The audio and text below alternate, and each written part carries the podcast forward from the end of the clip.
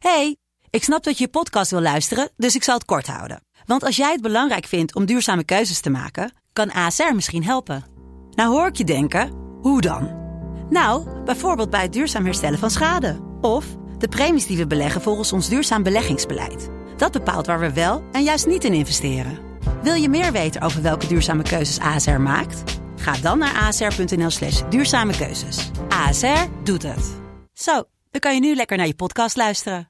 Hey, ik snap dat je je podcast wil luisteren, dus ik zal het kort houden. Want als jij het belangrijk vindt om duurzame keuzes te maken, kan ASR misschien helpen. Nou hoor ik je denken, hoe dan?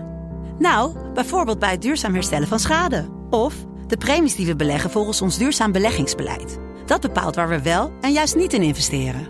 Wil je meer weten over welke duurzame keuzes ASR maakt? Ga dan naar asr.nl slash duurzame keuzes. ASR doet het. Zo, dan kan je nu lekker naar je podcast luisteren. Dit is Mand, kortste podcast van Nederland. Vandaag gaan we het hebben over hoe vaak kun je terug naar je ex.